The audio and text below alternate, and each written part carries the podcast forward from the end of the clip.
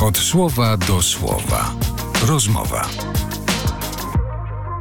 A z nami dzisiaj w programie Od Słowa do Słowa Bogdan Frymorgan, nasz redakcyjny kolega, ale również fotograf, kurator i wydawca, autor albumów fotograficznych i wystaw, e, który na co dzień mieszka w Londynie, jest korespondentem radia RMF FM i naszym kolegą redakcyjnym RMF Classic, ale współpracuje też z wieloma instytucjami kulturalnymi w Polsce, innymi z Żydowskim Muzeum Galicja w Krakowie. A w miniony piątek w krakowskim wydawnictwie Austeria odbyło się spotkanie z Bogdanem Frymorganem odnośnie książki Raport z oblężonego umysłu pierwszy. A Bogdan dzisiaj razem z nami. Dzień dobry. Witam Was wszystkich, witam Cię serdecznie również. Raport z oblężonego umysłu, pierwszy, to jest książka, o której dziś trochę porozmawiamy. To jest, jak piszesz, chronologiczny zbiór felietonów, które powstawały od początku rosyjskiej agresji na Ukrainę. Ty relacjonowałeś te wydarzenia jako dziennikarz na antenie radia, ale te eseje są zupełnie innym spojrzeniem na te wydarzenia, prawda? Powiedz proszę, jak to powstawało? Przez pierwsze 100 dni pisałem codziennie. Później, ponieważ ta wojna zmieniła i, i swoją formę, i, i, swój rytm, i przeniosła się bardziej na wschód, i, i stała się taką przedłużającym się konfliktem na, na wyniszczenie.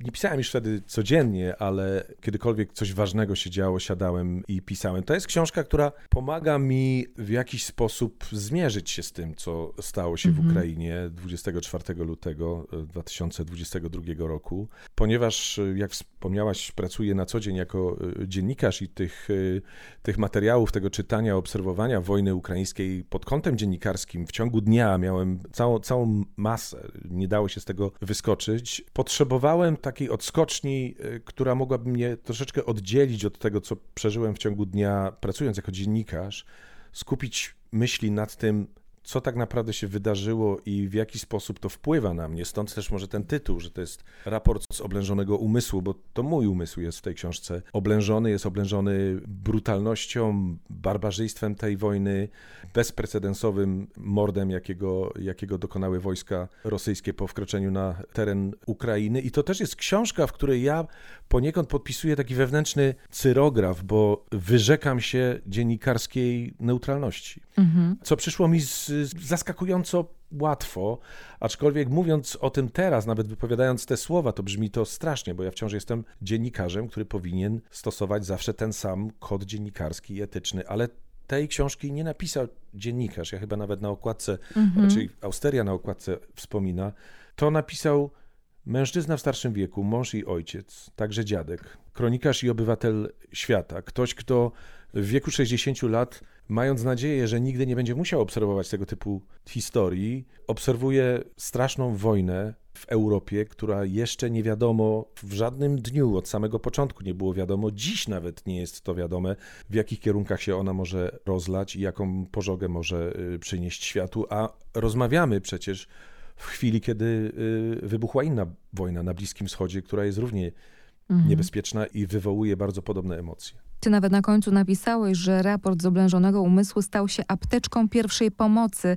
jakiej po całodziennej pracy radiowej udzielałem samemu sobie. Czyli dzięki temu pisaniu trochę mogłeś sobie ulżyć, trochę dałeś upust, dawałeś upust emocjom? Na pewno to, ale jeśli napisałem, że to jest apteczką pierwszej pomocy, ja tej pomocy szukałem pisząc o rzeczach najstraszniejszych, najpiękniejszym językiem, jaki znam. Tu znowuż nie chciałbym, żeby to źle zabrzmiało, ale ja, ja opisuję straszne okrucieństwa i barbarzyńskie wydarzenia, jakie miały miejsce e, tej wojny, używając języka literackiego, z którym jestem oswojony i który mi daje pewną ulgę. I Zderzywszy te dwie rzeczy ze sobą na kartce papieru, to właśnie stawało się taką apteczką pierwszej pomocy późnym wieczorem z otwartą butelką wina po przepracowaniu tych kilkunastu godzin w kontekście wojny w Ukrainie, bo oczywiście ja nie byłem w Ukrainie i tu też i nie jestem w Ukrainie i też odczuwam, odczuwam pew, pewien dyskomfort, bo piszę Ukrainie nie będąc tam, ale ta Ukraina weszła we mnie po samą e, rękojeść bardzo głęboko i ja nie miałem wyjścia. Ja musiałem poszukać, ja musiałem poszukać tego innego spojrzenia,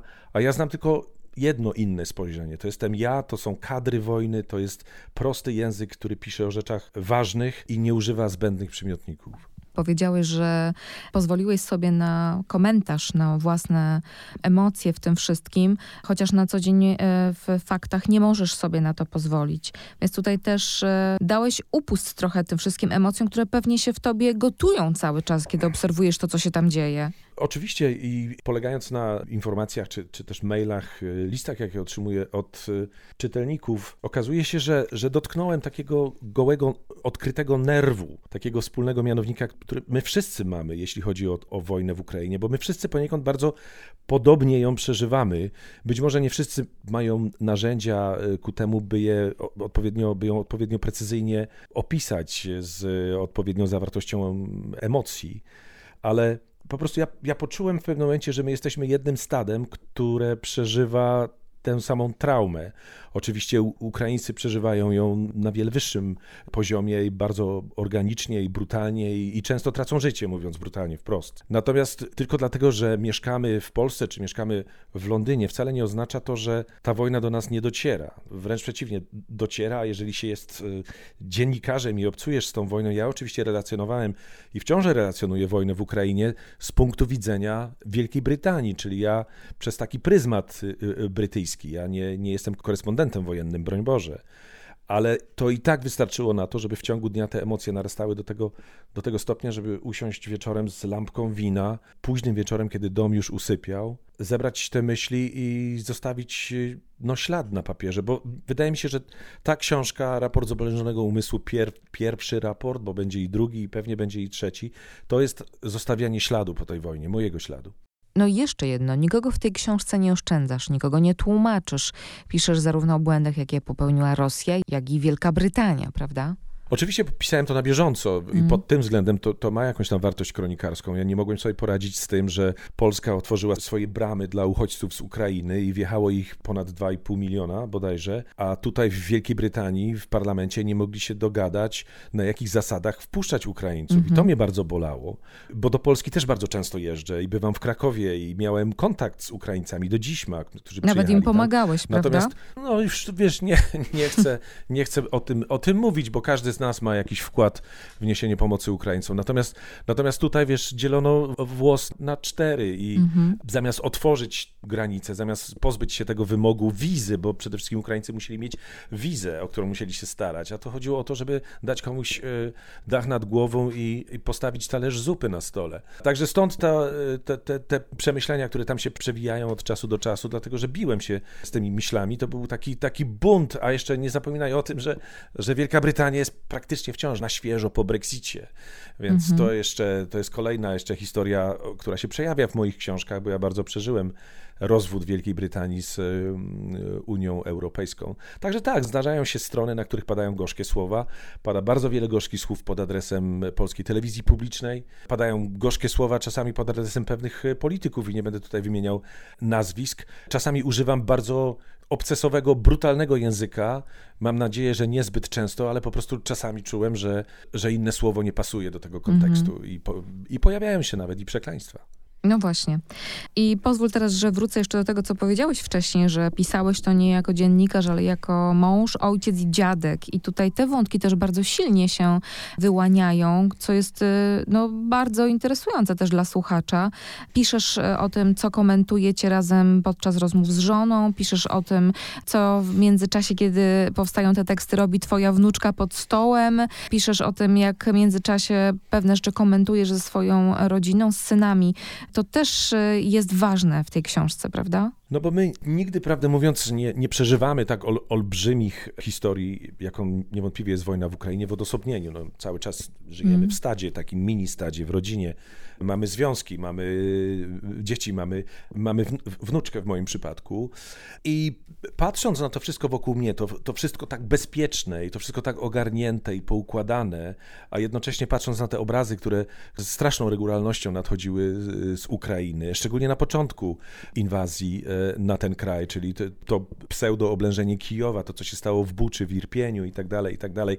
Ja patrzyłem na swoją rodzinę wokół siebie, ale widziałem e, Ukrainę, patrząc na wnuczkę, która bawiła się pod stołem w momencie, kiedy ja e, coś usiłowałem napisać. No widziałem te ukraińskie dzieci, które gdzieś tam leżą pod gruzami, czy, czy starają się uciekać jak najdalej na zachód i z pewnej konieczności te moje przemyślenia, czy te, te uwagi, często bardzo lakoniczne, one się wkradają do tego, do tego pisania, ale ono jest autentyczne i prawdziwe, bo, bo to jest raport z oblężonego mm. umysłu. No, ten mój umysł jest wciąż do pewnego stopnia oblężony, aczkolwiek to, to oblężenie ma zupełnie inną intensywność teraz, bo ta, ta wojna się zmieniła, ona im bardziej zaczęła się poruszać na, na wschód, tym rzadziej trafiała na pierwsze strony, strony gazet, do y, biuletynów telewizyjnych i tak dalej, i tak dalej, ale to wciąż się dzieje, a ja śledzę wojnę w Ukrainie nie na zasadzie oglądnięcia raz dziennie y, wiadomości, bo teraz, y, szczególnie w kontekście tego, co się dzieje na Bliskim Wschodzie, wojna w Ukrainie została zepchnięta jeszcze w tej, tej chronologii, jeszcze dalej czy, czy niżej. Ja jestem non-stop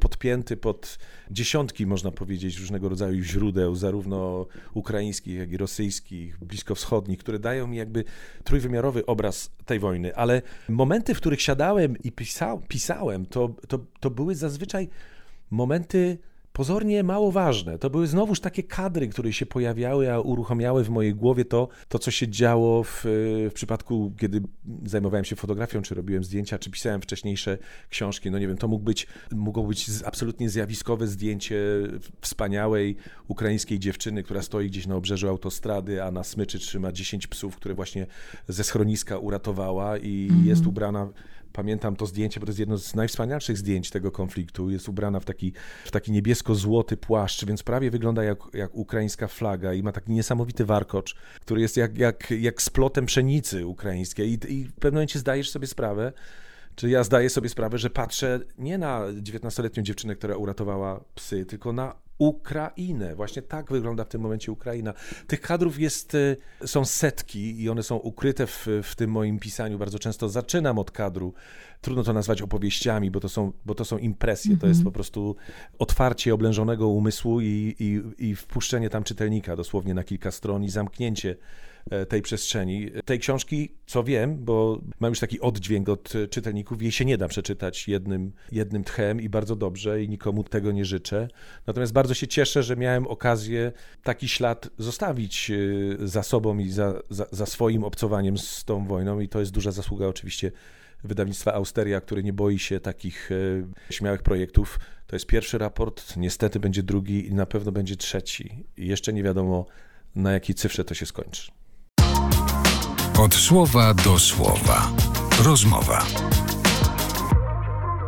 Nie wiem, czy teraz się ze mną zgodzisz, e, ale mm, dla mnie w niektórych momentach ta książka jest bardzo malarska nie tyle fotograficzna, co malarska. Ja widzę obrazy i z jednej strony piszesz o żołnierzu, któremu brakuje połowy twarzy i leży na czarnej ziemi, z drugiej strony piszesz o kobiecie, która dopiero co urodziła, ale siedzi w schronie i od wielu dni się nie myła, a w innym miejscu pojawia się taki tekst Tymczasem w Mariupolu sypie śnieg. Miesza się w powietrzu z płatkami sadzy, zanim spadnie na ziemię, przestaje być puchem i staje się ciężką, szarą masą. To jest malarskie od fotografowania do malowania to jest bardzo blisko. Tak, ja używam, używam malarskiego języka, dlatego że staram się zawrzeć czasami w dwóch słowach to, co zazwyczaj wymagałoby co najmniej dwóch zdań. I wtedy mam jakby największą taką wewnętrzną przyjemność, że uda mi się być tak zwięzłym. A w malarstwie bardziej cenię takie zdecydowane sztychy i mniej, tym lepiej. Ja, ja bardzo nie lubię malarstwa, które jest bardzo fotograficzne, które jakby przedstawia rzeczywistość taką, jaką widzimy.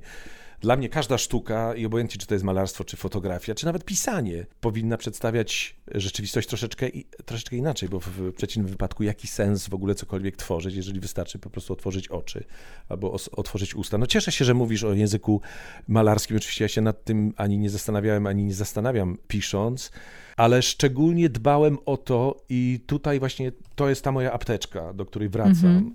Dbałem o to, żeby opisując najbardziej najbardziej straszne chwile czy obrazy, żeby używać języka mimo wszystko powściągliwego. Ja, ja te pigmenty w tej swojej e, farbie starałem się bardzo umiejętnie mieszać, żeby, żeby bo bardzo łatwo napisać o czymś strasznym jeszcze straszniej. A w momencie, kiedy piszesz o czymś strasznym, ale trzymasz ten swój język za lejce i, i, i, nakładasz mu kaganiec do pewnego stopnia, to wydaje mi się, że można osiągnąć jeszcze lepszy e, efekt. Nie wiem, czy zależało mi na tym, pisząc to, żeby osiągnąć jak najlepszy efekt. Po prostu tylko tak potrafię i tylko tak widzę i tylko tak czuję i, mm. i, i to, co czytelnik dostał do ręki, jest jakby efektem tego wypadkowo. Ten pierwszy raport z oblężonego umysłu jest trochę taką kroniką, bo o ile w wcześniejszych książkach, jak mówiłeś, tej chronologii nie było, o tyle tutaj ona jest. Mówiłeś, że pierwsze 100 dni wojny opisywałeś codziennie, potem z mniejszą częstotliwością. Tutaj w tym pierwszym raporcie mamy tą kronikarską e, chronologię e, przez tych kilkadziesiąt e, dni wojny i kończysz momentem, w którym wylatujesz z powrotem do Polski, do Krakowa. Co się działo potem i co się dzieje teraz? Piszesz wciąż o Ukrainie? Piszesz tak samo dużo, czy z mniejszą częstotliwością i czy będziesz pisał do samego końca, do końca wojny? To znaczy, trzy książki już istnieją. Pierwsza została opublikowana, dwie muszą odczekać na swoją kolej, bo nie mm -hmm. można tego publikować no. jednocześnie. Ja, ja piszę o tej wojnie, ale to moje pisanie też się zmienia, w związku z tym, że ta wojna się zmienia. Ona się w, w innych okolicznościach teraz toczy. Teraz mamy do czynienia z takim zagrożeniem e, obojętności, w którą Zachód wpada powoli. Mamy zagrożenie w tej postaci, że, e, że Ukraińcy być może nie będą dostawali pomocy w takim e, wymiarze, w jaki dostawia, dostawali ją, otrzymywali ją dotychczas.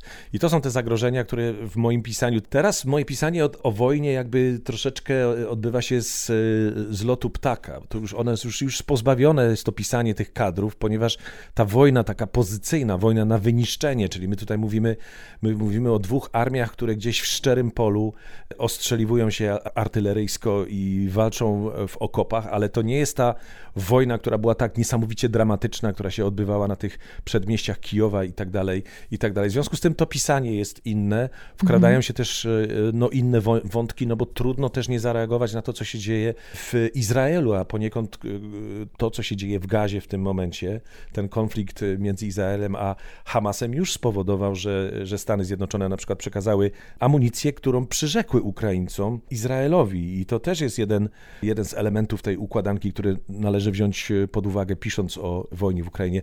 Ale te trzy książki, one są już napisane. One są napisane i zredagowane, one po prostu czekają w kolejce. Bardzo się cieszę, że będą, że będą opublikowane. Nie mam ani żadnego wpływu na to, kiedy kolejne tomy się ukażą, ani też nie chcę tego za bardzo przyspieszać, ponieważ e, mam nadzieję, że, że to są książki, które można czytać dziś, można ją, je przeczytać za miesiąc, być może nawet za kilka lat i, i mam nadzieję, że, że czytelnik dokładnie będzie odczuwał to samo. Ale masz taki plan, żeby pisać dalej do końca wojny, mimo tego, że nie wiemy, kiedy to się skończy i czy się w ogóle skończy, jak się skończy, ja, czy to nie? znaczy, ja nie mogę przestać pisać o Ukrainie, jeżeli, za, jeżeli zacząłem. Ja piszę mm -hmm. i mhm. będę pisał o Ukrainie, ale, ale nie piszę codziennie, nie piszę nawet, mm -hmm. czasami nawet i tydzień y, mija i ten czwarty tom się jakby nie powiększa, mm -hmm. ale ja czuję ten obowiązek, bowiem ta wojna jest, jest we mnie, tkwi we mnie na osobistym poziomie i na takim stadnym poziomie, więc y, odczuwam wewnętrzną potrzebę, poniekąd obowiązek, żeby to, do, żeby to dopisać do końca, ale kiedy ten koniec nastąpi, kiedy ja będę mógł napisać koniec w tym kolejnym tomie raportu z oblężonego umysłu, nie, mam zielonego pojęcia. Mhm.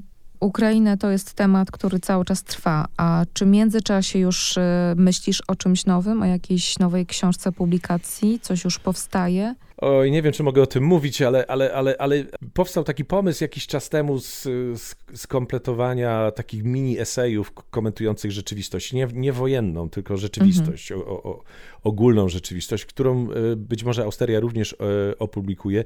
Nie, nie siedzę teraz i nie piszę książki, aczkolwiek mam pomysł na, na małą książeczkę. To po raz pierwszy mam pomysł na książeczkę. E, w Austerii, w ramach wydawnictwa Austeria istnieje taki piękny, fantastyczna seria, która się nazywa Z rękopisów. To są bardzo cieniutkie książeczki.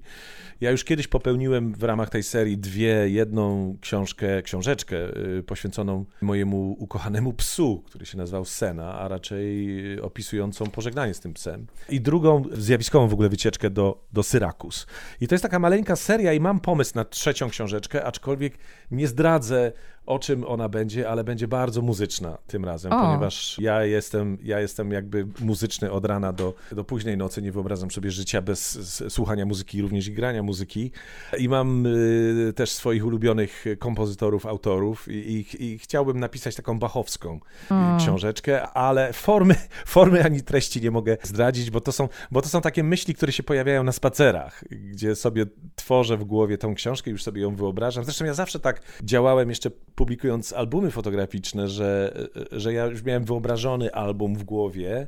Potem była bardzo prosta kwestia tylko doprowadzenia wyobrażenia do rzeczywistości I, i, i, to jest bardzo, fajna, bardzo fajny sposób no, kończenia po prostu e, projektów, bo jak wiadomo bardzo łatwo zacząć e, projekt, a jeszcze, jeszcze łatwiej go zaniechać. Także y, noszę się z takim zamiarem, ale, ale nie wiem, kiedy to nastąpi. Znowuż czekam na.